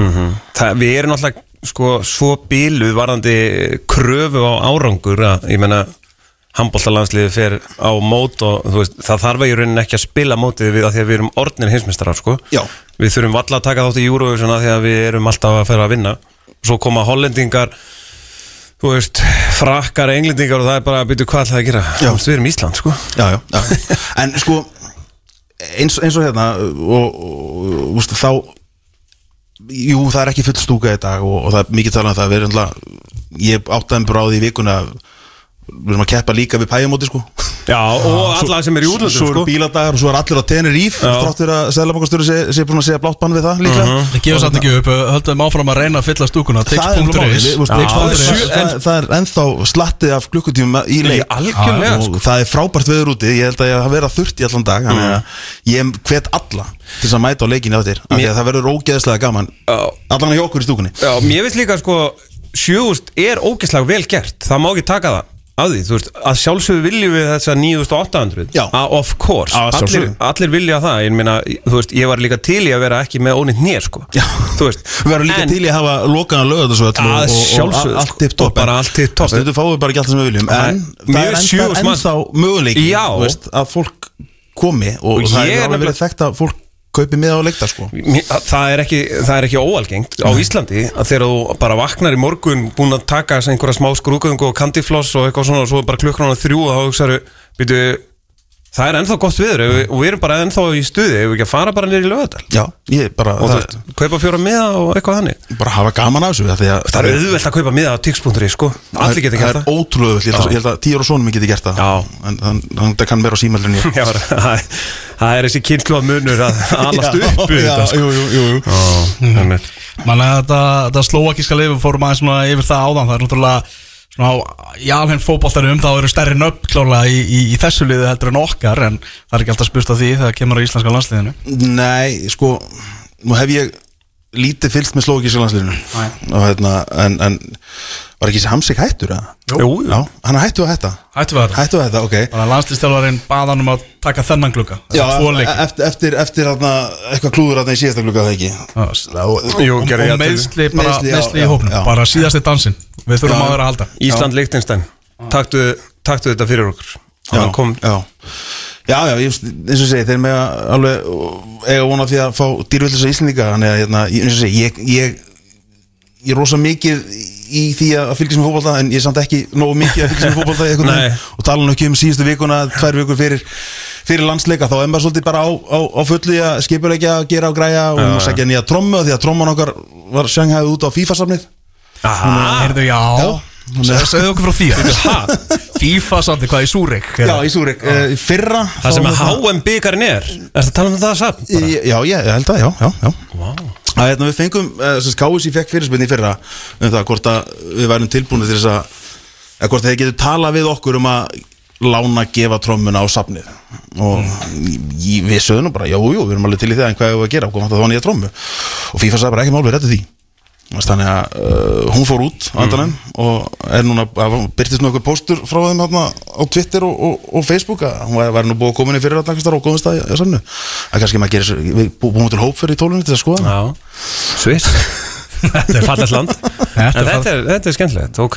Þetta, já, þetta er mjög gaman. En hvernig eru svona síðustu tvær vikurnar hjá tólfunni, þú veist, hvað hérna veist, sko við, við fáum við erum með það, þann, þann luxus að við erum með svona okkar meðasölu fyrir, fyrir okkar, þá sem eru skráður hjá okkur. Já, og við reynum að keira mótsmiðasöluna bara alveg svo KSI þannig að við þurfum ekki að standa í ykkur svona einsmiðasölu mm. en svo er bara síðust tvær vikuna þá þeir sem að grip, grip ekki gæðsinn og tóku mótsmiða þá er maður að brasi þessu. Að- að- að að svara skilabóðum um það af hverju hérna, ef hún matti miða og, og, hérna, og þess að þar mm. Og, og það er bara, þú veist það er, Bara eins og það er. kvöldjobb skilur og mjög fínt og, og hérna, ég og blessunlega einslega fjölskyld sem nennir að standa í sem nennir að þóla með að menna þessu stendur. Já, já, já, en hérna en svo, já, svo bara eins og sé spjalla við Ölver, spjalla við KSI eitthvað sem að er eitthvað sem við þurfum að bæta hjá okkur líka veist, eh, varðandi KSI, KSI er alltaf að, að pressa okkur að mæta fyrra á vellin við erum rosalega lélegið í því. Við erum ekki Bara þetta er eitthvað sem Íslandingarnir verðast ekki geta lært. Já, það, sko, sem er samt skrítið að því að við horfður á, sko, úrslutakefni Köruboltanum Já, Já, þá var fólk, ma- ég fór á tvo leiki fyrir norðan, núna í, í úrslutarinninni Í síkinu? Já, já, Já, og, og það var allir mætti bara klukkutíma áður og húsið opnaði. Já og er full 90 mínútur fyrir leik. Þú vilt menna að við getum þetta? Við getum þetta alveg, við þurfum bara aðeins að, að, að, að átt okkur á því að það er KSI er að reyna að gera þetta besta líki því að búið til gott fansón fyrir okkur til að mæta á völlin snemma, strákarnir þurfa líka að finna fyrir sko stuðningnum þegar þeir eru að hita upp. Það er, ég, held, ég, ég hef aldrei spilað fótbolt á þessu leveli sko. Nei, enginn er inni en, hérna, en ég get ímyndum það að það sé ekkert rosa gaman að hita upp fyrir tómri stúku. Já, þannig að þú veist, í- í- það er bara gott að mæta klukkutíma fyrir leik. Ég fór að hugsa með talandu þetta að spila á þessu leveli bara ég fór að hugsa bara í morgun þegar ég vaknaði það er ennþá svo langt í leikin hvernig er bara fyrir leikmenn að Bíða. bíða svona lengi? Leikur klukkan 18.45 bara allir dagurinn. Einhver gungutúr eða eitthvað bara að drepa tíman Já, stu, eh, sko, ég man eftir að Lalli var stundum með æfingu á leikdag. Og hann er í framheimili. Já, já, bara í hátteginu, Já. bara eitthvað svona létt sko. já, bara svona, já, já, já. Bara spriklað eins Þú veist, það- það- Mokkaboltin var þurfti stundum að víkja sko, fyrir landsleginu, við vorum alltaf alveg brjálaði Já, ég, úst, ég held að sé en svo er bara teorist og bið Já, og ætli sé ekki, úst, svo náttúrulega er þessi- það er margir ungi strákar þarna í þessum hóp líka þannig að ætli það sé ekki einhver, einhver að leggja sér Playstation og, og, Jú, jú. og svo, svo eru eldri menn sem að kannski leggja sig Já, enn fleiri að spila skák og... Já. Nákvæmlega Erum höldum áfram að þetta er smá stund gerum, gerum smá hlje og það er aldrei að vita um að við séum hérna með eh, smá sögur varandi byrjunalið í kvöld. Það er aldrei að vita Þannig að haldið áfram að, að hlusta. Við erum langt í land. Já, Já, við erum land Já, já, höldum Það áfram, kemur, áfram, höldum Áfram. Áfram höldum við maður. Við erum eitthvað fyrir eh, landsleikin Það verður að menn verður að vera léttir 17. júni röddinn er á leiðinni. Röddun á leiðinni, Já, hann er ekki, þannig. hann er ekki glemt sér. Nei, drö- drömmerinn er á leiðinni líka. Þetta er allt saman Alltaf alltaf réttir leið. Er það þættinum bast bref uh, Frá manni sem að fullir það að Viljum Þór Viljumsson sé í byrjunaliði íslenska landsliðsins í kvöld, hvorki meira enn minna. Sér 24 ára leikmann, hann var bara einn landsleika baki, kom inn á sem varamaður í vináttuleika móti Eistlandi, sagði það nú í viðtali á dögunum að hann hefði nú sjálfur búist því að hann væri komið með fleiri landsleiki á þessum tímapunkti en þetta hefur eitthvað spilast þannig. En við verðum oft mittur í kringum mm landsleikskluka en það er sagðan að Viljum sé að fara að fá stóra tækifærið í kvöld Leikmaður Rossins já, go ahead í góðs Já, já, Já, já. hann var búin að vera að gera virkilega góða hluti svakalugur skrokkur. Já.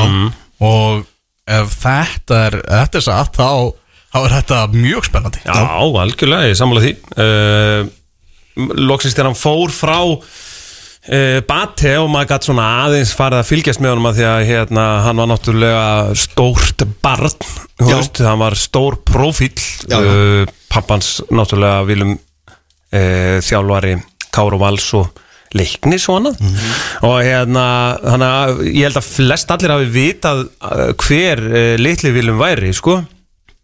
Og þannig að, en svo náttúrulega bara hverfur ég meina, þú veist, við vorum ekkert alltaf að þú veist, þegar maður hittist á ölveri þá varst ekkert eitthvað, svona, hérna tjekkar eitthvað á bati Nei, það var líka bara svo erfitt að ná útsendingu frá þessu leikin sko. Það kom reyndar tími þar sem að ég horfði svolítið á bati Já, já. Það er þannig, Já. þú ert svo ro- þú ert þetta rosa hrifin af sko, hérna, að leikja það Já, já, ég, ég er það reyndar En það kom Pottið einhver í stúkunni verið með fyndna hatta og þá er hugsað, þetta er mín deild. Já.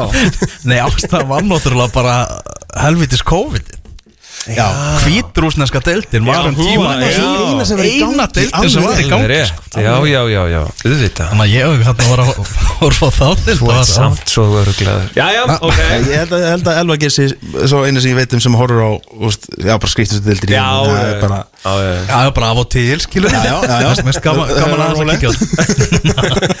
Það. Er bara þannig. Já, og, og sáttu þá uh, hvað viljum, í hvað uh, hvað, í hvað hann var spunnið í sko. Já, já, líka bara, þú veist, mann vil síðan með 21 árs landsliðinu og Já. líka bara, þú veist, maður veit ekki viðtöl við hann bara ótrúlega heilstiftur og, og flottur strákur sko. hann er greinlega heitlað mikið á æfingu og, veist, og, jú, jú, og, og er búin að vera núna, sem þjálfar leysins í dákvæm tíma og hérna, eða, smá, smá tíma hann, er, hann hefur lítur að séð eitthvað af honum í Hann leiknum sagði náttúrulega á fundinu eitthvað, er það ekki að menn hefðu komið sér á óvart Já, Já. hann sagði það bara skemmtilega óvart hann sagði, vissi þetta var, var búin að skoða þessa leikmenn í gegnum Væskátt og klippur og allt þannig, en séðan að sjá það á æfingum. Hann sagði að það er meiri gæði og það er meira í þeim heldur en Hann hefur kannski verið að tala um viljum þar. Já. Hann talaði reyndar um bara, þú veist, einhvern veginn yfir yfir allan skaran, sko. Já. og bara einhvern veginn að allir í hópnum hefðu heitlað sig og allir í hópnum væru betri heldur en hann held, sko. Að hann hefur tröll að trúa liðinu Já. Ja, algjörlega Það vantar nefnilega ekki sko Eru röddinni komin hérna með okkur Palli.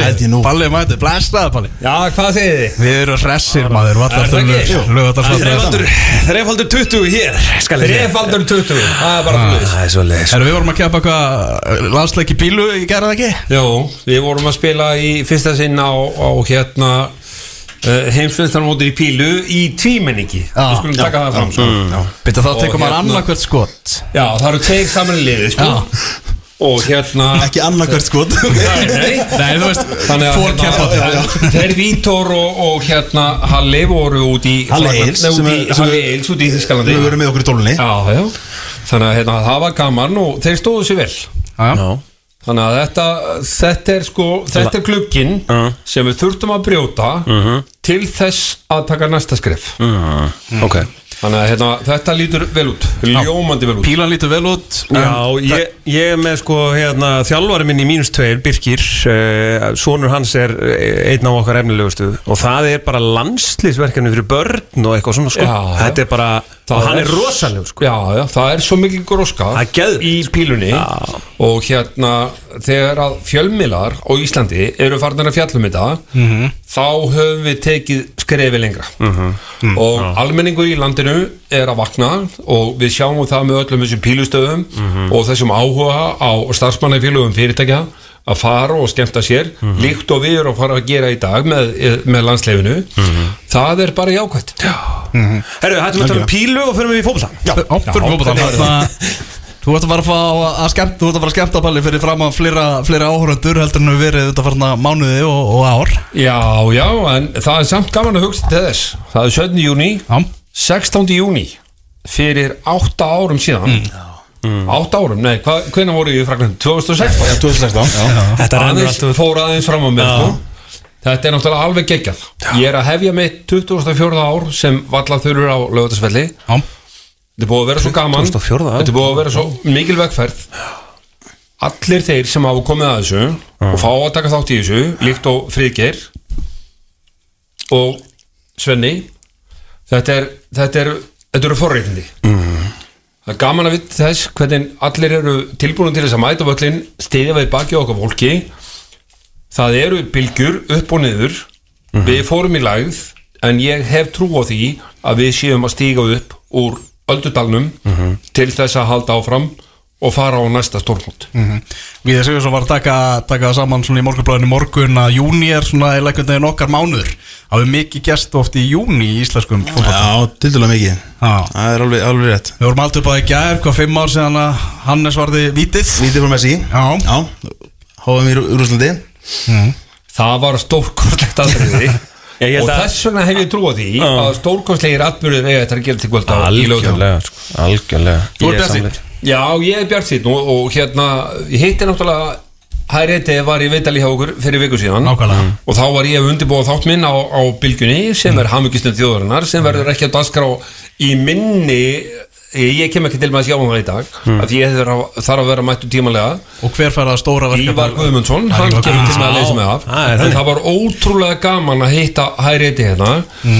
Hann hefur sömu nærveru nokkurn veginn eins og Lars Lagerbakk og ég held að, að þetta líti bara allt saman ljómandi vel út Sko, hvenær var það sem að hérna, við vorum í færiðum og að því að við vorum að spila við Kroati og nefndum ekki að hlusta að horfa á Kroati ennin sinni.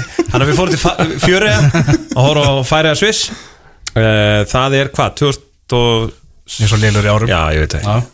Það var það var allavega, það þannig að við horfðum á leikin í, í hérna uh, Bólingkvöllinni á Hálsi. heldur betur. Og, og hérna og það var í júni Já. og Hörður Björgum skoraði með Já. það er geðvægt Já, við vorum þrýr, trilltumst. Geggjað. Sko, þannig að júni ég er alveg sammála því, ég meina handbóltinn hérna 17. júni og til svíum og svona, þetta var rugg við eigum að nota þennan dag til að halda stóru viðbröði Algjörlega. Í íþróttum. Ég gleym aldrei 2016 20, eh, jún, júni 20, eh, 20. júni Þegar við unnum Austuríki Hvað, 2016? 2016 já. 2016 á EM 2016 Stade Ég er bara algjörlega sturt það, það, var-. Já, Ég hef oftur spurður farðin á tegin hérna, Ég hef oftur spurður hver er uppáhaldsleikurinn minn sem ég séð með íslenska landsliðinu? Og hérna, þetta er Jú, við unnum einendika, gott að blessa. Mm. Skilur, Já. það var bónusleikur að, að mínum mati Sko, minn uppáhaldsleikur by far er Ísland-Östuríki Þetta er bara getur þú leikur sem sönum ég minn rétt ímyndað þér þegar ég var vallað fyrir á þessum leik?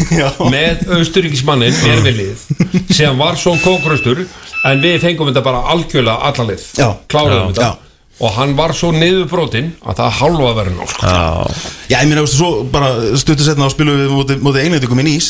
Ég man það bara, við hittum einhverja maður hitti þarna einhverja englendinga Þeir voru einmitt líka svona kókröstir það, voru, það voru flestir englendingar farnir til París.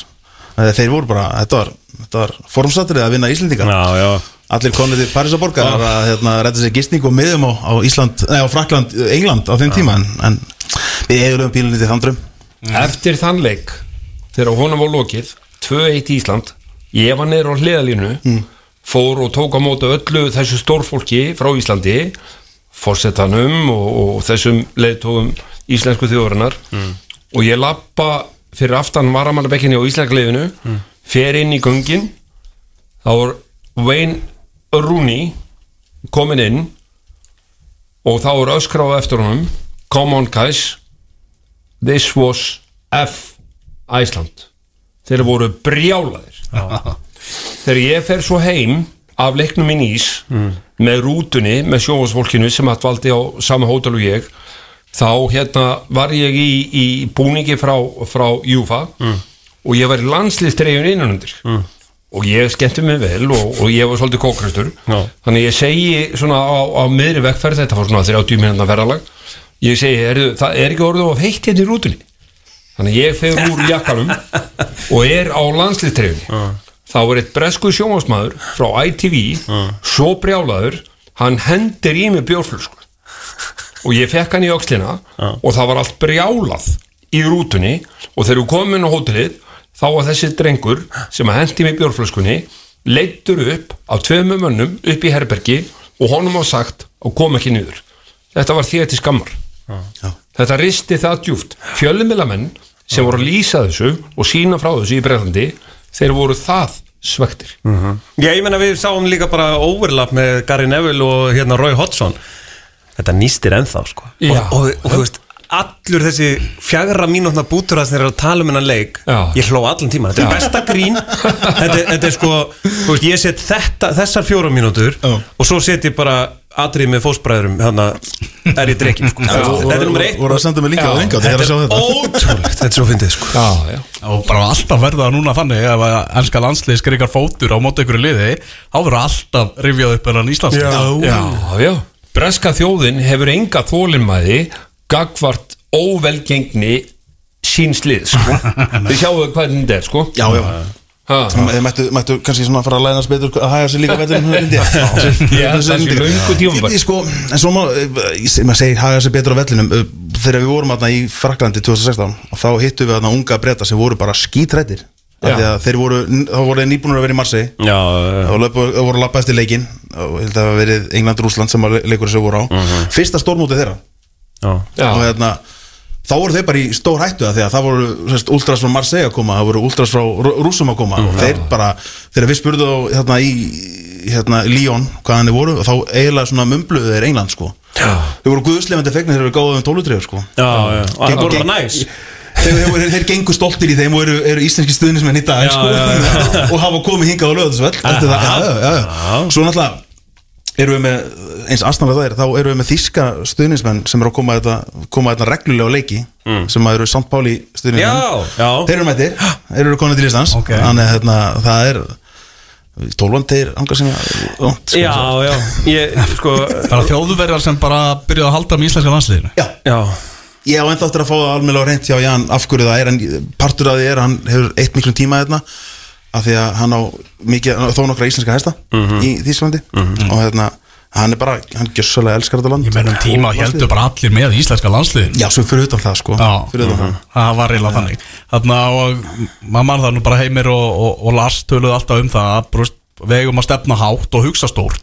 Og þessi reyðil býður svo sannarlega upp á það með Portugal sem yfirbara liði í þessum reyðli og við teljum okkur nú vera svona bara á svipuðu leveli og geta veitt samkeppni um þetta annarsætti á móti Slovakíu og Bosníu þráttur að hafa farið illa þarna í, í, í jú og ég meina Óge Hóraði væri aldrei á þessum tímapunkt að taka við íslenska landsliðinu ef hann hefði ekki trú á því að þetta lið geti náða öðru sæti í þessu riðli og farið á EM á næsta ári. Ég held að það sé nákvæmlega hárrétt hjá Öralvar og hann náttúrulega setti sér í samband við Lars Lagerbakk Þetta eru menn með reynslu maðurinn er 69 ára gamall og fólk hefur gaggrínt það hversu hár aldur hans er til þess að taka við okkar liði. En reynslan skiptir bara svo miklu máli og samfélagið eins og þeir hafa verið í ég er alveg klár á því að þetta sé hárrétti maðurinn sem var ráðinn í starfið. Algjörlega saman ég er alveg saman því og, og eins og hann hefur, eins og Lars saði sjálfur í viðtalum daginn að, þá, þá er ógæð að taka í liði svona í svipari stöð og Lars tók við eða þegar Lars tekur við. Það, það, eru, það eru nokkrir eldri og fullt af yngri og það er svona einhvern veginn að, að koma þessum hóps almennilega saman. Brúa bilið. Brúabilið akkurat. Og hérna, ég ætla ekki svona að nota þetta leðilega orð sem að þið notið rosa loft hérna, ég ætla ekki að segja það. En hérna en, en, en, þetta, ég held að hann sé akkurat eins og Palli var að segja bara kandidatin í þetta, við þurfum þessa reynslu við þurfum mann með Já, með þetta með, með, með presence þetta og- presens skiljum Já, og svo var það líka það sko hvernig leikmennir hafa verið að koma fram í fjölmiðlum og, og, og vera í ákvæðir gagvart þessari ráðningu. Ég held að það skiptir líka meira máli en fólk trúi sko. Þeir hafa trú á þessu sem leikmenn og það er þetta, þessi samvinna og þessi pendúl sem þarf að virka í báðar áttir. Skiljið hvað er að fara Já, Já, já. ég meina ég var að erlendis og var að fylgjast með þessu. Þetta var náttúrulega mjög ást allt gott. Já. Umræðan líka bróðin jákvæðar einhvern veginn um lið. Já. það er bara, þú veist. Já, já, Já. algjörlega sko. En þetta getur, þú veist, við getum samt staðið upp með það ef við bara horfum raunkalt á það þetta er 50-50 leikur í kvöld. Að sjálfsögum við erum að er það. Já. Ekki spurning En það sem við höfum með okkur Þetta er þjóðtíða dagur okkur íslendinga Ég tel að það verði uppselt Ég veit ekki hvort það sé orðið uppselt núna Það voru eitthvað örfáðu meður eftir í gær En ég held bara að stemningin sé með íslensku þjóðinni Og bara við klárum þetta í kvöld. Já, já. Ég er hjartalega samlega að hérna, þegar klukkan slær eh, 21 að, þá verðum við eh, brosandi. Já, ekki nokkuð spurning. Og f- eh, fögnum góðum þjóðtíðati Algjörlega. Það er nú byrjaði núna klukkan eitt uh, leikur nú í riðlinum. Uh, leikur Ha? Luxemburg og Liechtenstein. Já, já Ok í, í riðlinum okkar? Stórþjóðir, já. Já, En Portugal, hvenær eiga þeir hann, ekki í hann er dag? á sama tíma. Hann er á sama tíma. á móti Bosníu, já. Ah, ok. Portugal, Bosnia, það var Við erum vesen búin að fjalla um hérna Ronaldo og meti hans eða? Nei, við förum í það rétt á þér Ég ætla að tala um hennar Portugal-Bosníu leik að, þarna, að Bosníumenn eru hana, voru í vesinni með að komast til Portugal þeir ákveða að fljúa í gær daginn fyrir leik og það var eitthvað vélabilun eða eitthvað á flugvelinni ja.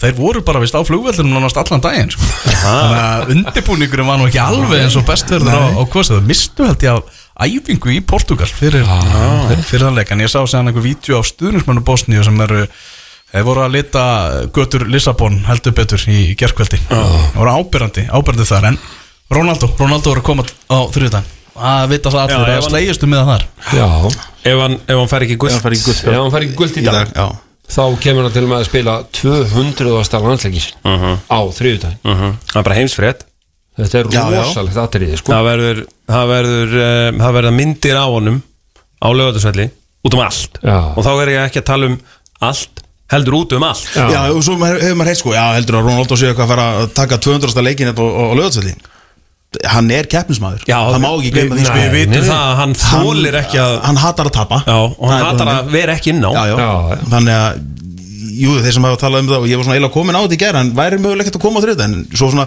þegar maður hugsa, hann er það mikil keppsumöður Mhm. að ég held að hann sé eiginlega alveg sama á hvaða velli hann spilar hann 200. leiksin Já, já, ég held að sé líka uh, bara, hérna, fólk er uh, það má ekki gleyma því að hérna, Saga Eðs og Arnórs er þekkt í, þjóð, í heimsfóboltanum Mhm. að þeir ætluðu að, að spila Spila einhvern saman, leik sko. saman á Íslandi en ekki í Íslandi, bara geymum það eins sko. Það gerast hlutir á bara undra skömmum tíma. Já, það gerir, gerir Og- hann sko.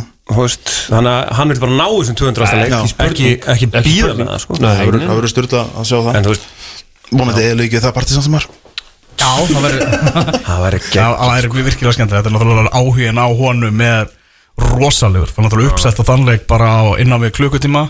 Og það er bara svo fóru þessi mótsmiðar í, í sölu hérna, 200 auka mótsmiðar. tíu mín- tíu mínútur með eitthvað þetta var bara bara út af sko. þessum leik. Já, já, já.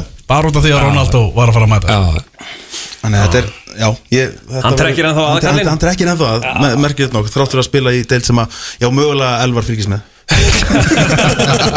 Ég er ekki komið þákað En ég, ég útiloka, útiloka ekkert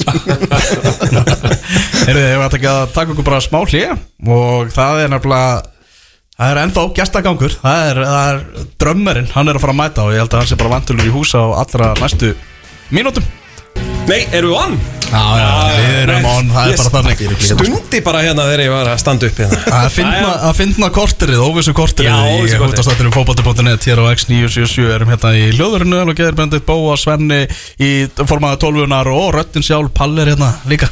Það fer vel um okkur strákana, ég var að segja frá því áðan að það er eh, sögursaknar um það, hávara sögursaknir að eh, Viljum Þór Viljumsson sé í byrjunalið íslenska landslýsins í kvöld og eh, Hákon þá á, á bekknum sem að kemur nokkuð, að- nokkuð að óvart. En náttúrulega kemur Róge með eh, sínar áherslur inn í þetta. Það er bara þannig sko. Alltaf segur mættir á Ölver að byrja að að kera vel í sig Já, Hvað er klukkan? Hún er að það í? Það er náttúrulega fólk er löngumætt sko. Það kemur ekkert óvart sko Nei, Nei það er bara Það er margir, margir sem eru búin að býða spendir eftir einmitt þessu leikdegi sko Það er, er ég- munið eftir einhverjum lögatarsleik sem við höfum tekið hérna í lengri tíma Við erum yfirleitt bara mánudagar, þriðudagar, miðvíkudagar Já, Það ekki? við erum að tala um 17. júni Já, svo fyrir utan það, fyrir utan það, 17. júni sko. Ég held að við Þannig að landsleik í held fótbolta á að 17. fólk júni sé bara löngumætt þarna niður til já, nákvæmlega Hmm. Og einhver er svona, taka kannski öðruvísu uppbytun eru núna með, með fána og blöðurur Já, já, það er uh, uppbytunin hjá í, í SB-gerðinu er uh, útvarp 12 til 2 miðbær uh, 14 til uh, 17 Ölver, Já. 17.30 mm, en Þetta er um bast bref Það þarf uh, þrjúkulspjöld til að fara í bann í undan keppninni. Þannig að Cristiano Ronaldo er bara í hættu ef hann fær rautspjöld já. í Ah. leiknum í kvöld. Já, býttu, wow. Já, það er þannig. Já, En umræðan hefur verið svolítið bara, hann má ekki úr guldspjöld. Akkurát, umræðan er bara þannig. Nei. Er, er hann þá ekki komið með tvö guðlega? uh, Valla, er það? Ég veit Ég, ekki. mér finnst bara Ég veit ekki. Þú ert fyrir fram á tölvutna sko, þú ættir ekki að segja það. Ég bara, ég treysta þessu manni hérna svo vel að, Já, já, að- að- þetta er ábygglega rétt hjá hann Já, já, ég segi það bara Nei, ég- Ronaldo ég- mætir sko. Ronaldo mætir sko. Já, akkurat. Ég man nú eftir, ég hef nú síðan skora á þessum velli. Já, já, Já, ég hitt hann einu sinni eftir leikinu mitt. Já Þannig að hérna viðkonulegu maður í alla staði Er það? Er það? Já. mér finnst það alltaf einhvern veginn eins og sé svo mikið óbúslega mikið prímátona Nei, ég Nei. geti sagt þeir sögu tengdu þessu Já. þegar að portugalska landslið Friðrik sem er núna sjúkraþjálfari Nottingham Forest sem að hérna var með landslið hann setti són sinn í hendurnar mér þegar að Portugal kom hann var með spjald frá Nani ja, þessar, þessi kort sem að þessir einstaklingar voru að safna á samt Ronaldo. Uh, Nani spilaði leikinn og fekk uh, var skipt út af. Hann var mjög ósattu við það. Og Ronaldo kláraði. Og þegar, ég, þegar leikurinn er búinn þá stend ég fyrir utan búninsklefa hjá Portugal og Nani kemur fyrstur út. Og ég segi við Nani það verður til í að árita spjaldið fyrir þennan dreng. Nani tekur drengin ítir í bróskassan á honum sem gerist að hann smellu með nakkan í veggin að því að gangurinn er þröngur sko og hann grætti drengin Nei. Jú. Já. og uh, í framhaldi því þá svona sendi honum skilabó bara herðu, farðu heimtíðin svo kemur Ronaldo út og ég segi við hann, herðu værið þú til í áreita spjaldið fyrir drengin hann tók í hendina mér áreitaði spjaldið og svo tók ég mynd af drengnum og Ronaldo. Já, og þessi mynd á eftir að fara á samfélagsmeðana eftir leikin í kvöld. Eða eftir leikin á þriðudaginn Já, já, já. Já, þetta, er, þetta er frábær mynd sem tók af, af síni Friðriks og, og Ronaldo. Og það, þarna skilur á milli hvernig þessar stjórnstjórnur koma fram eftir og fyrir leik. Já, já. Já, já. Já, maður, maður hefur oft séð hérna þegar Ronaldo er, að- er lappa fram hjá allir hérna fölluðum uh, stuðnismanni sem er að svona kalla á það Já. Þá kemur bara Ronaldo og Casemiro komið hann að niður og, og hérna knúsið hann. Já. Það var vistir Er eitthvað ný lög frá tólunni? Ef, sko, Er, er það bara það, þú veist, Aron og Alfreð og svona sem eiga Nei, lög og sko, sko, eins og ég sagði við Jói er náttúrulega, sem er, hann sagðist þér á leiðinni ég var, var að spyrja hann. Að hann, hérna, hann náttúrulega er gæðin sem að býr til hvað flest lögin okkar. Já. hann er búin að senda mér þó nokkuð mörg demo hérna í þessari viku. Og, en oftar en ekki þá fæðast lögin eftir svona 1-2 niður á ölver. Já. að flestu lögin eru bara í in the moment. Og við svona prófum þau bara áfram inn á ölver í göngunum. Og, og Gæti svo þið bara- til dæmis Vilumslag fæðst á Ölveri og eftir? Svona Ef satt reynist að hann sé að fara að byrja eitthvað?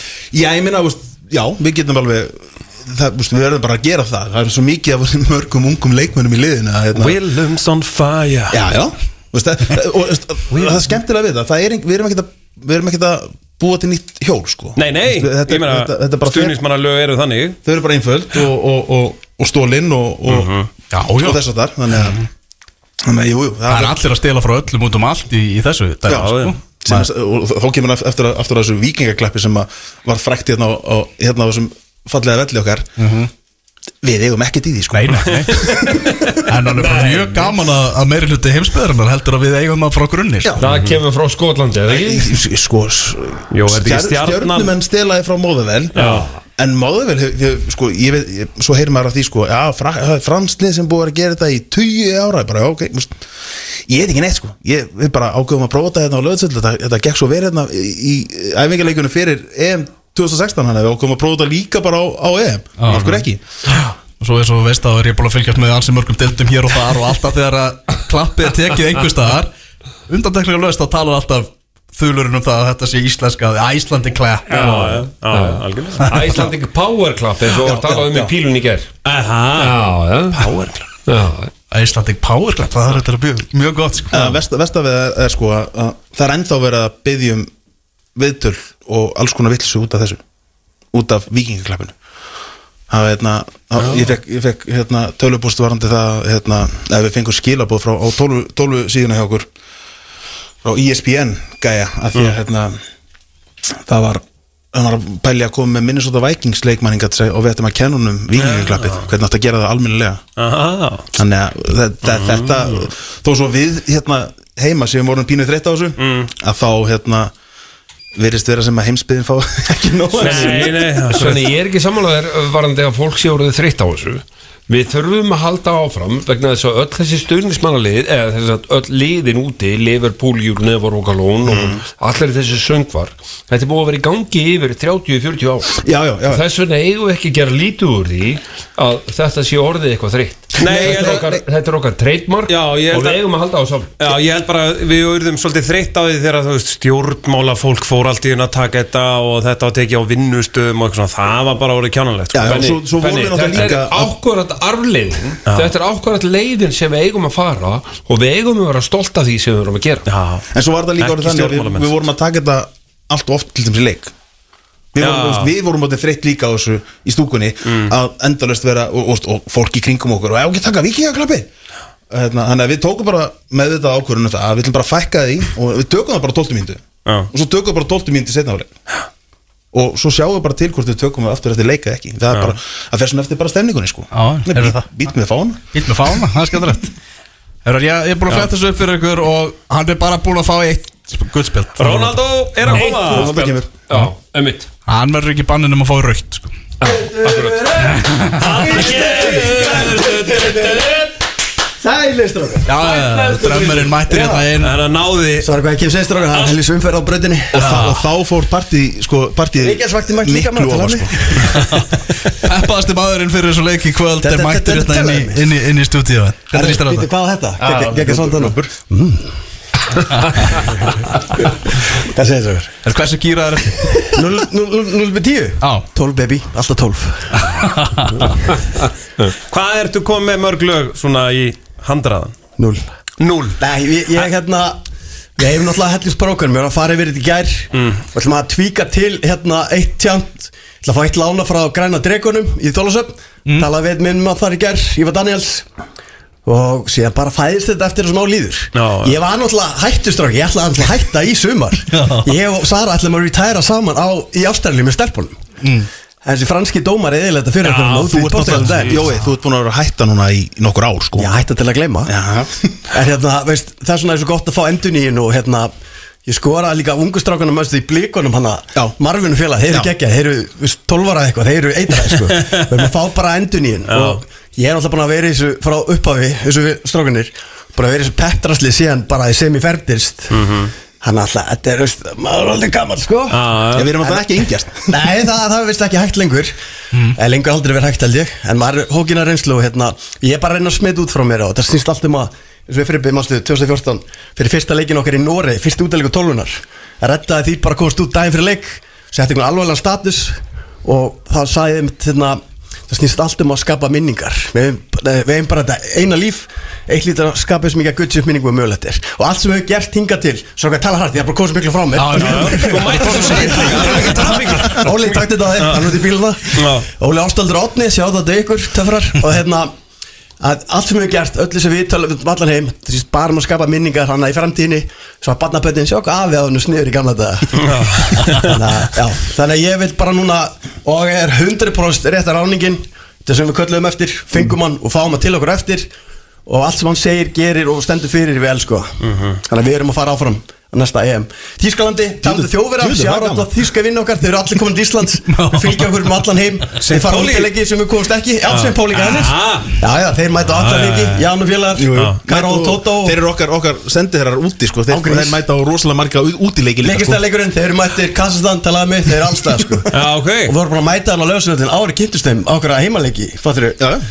Síðan eru þeir bara okkar bestu menn og þeir eru farin að mæta núna með börni sín og bara Ah. paid forward sko. Geðvegt Geðvegt Já, þetta er ekki ekki sko.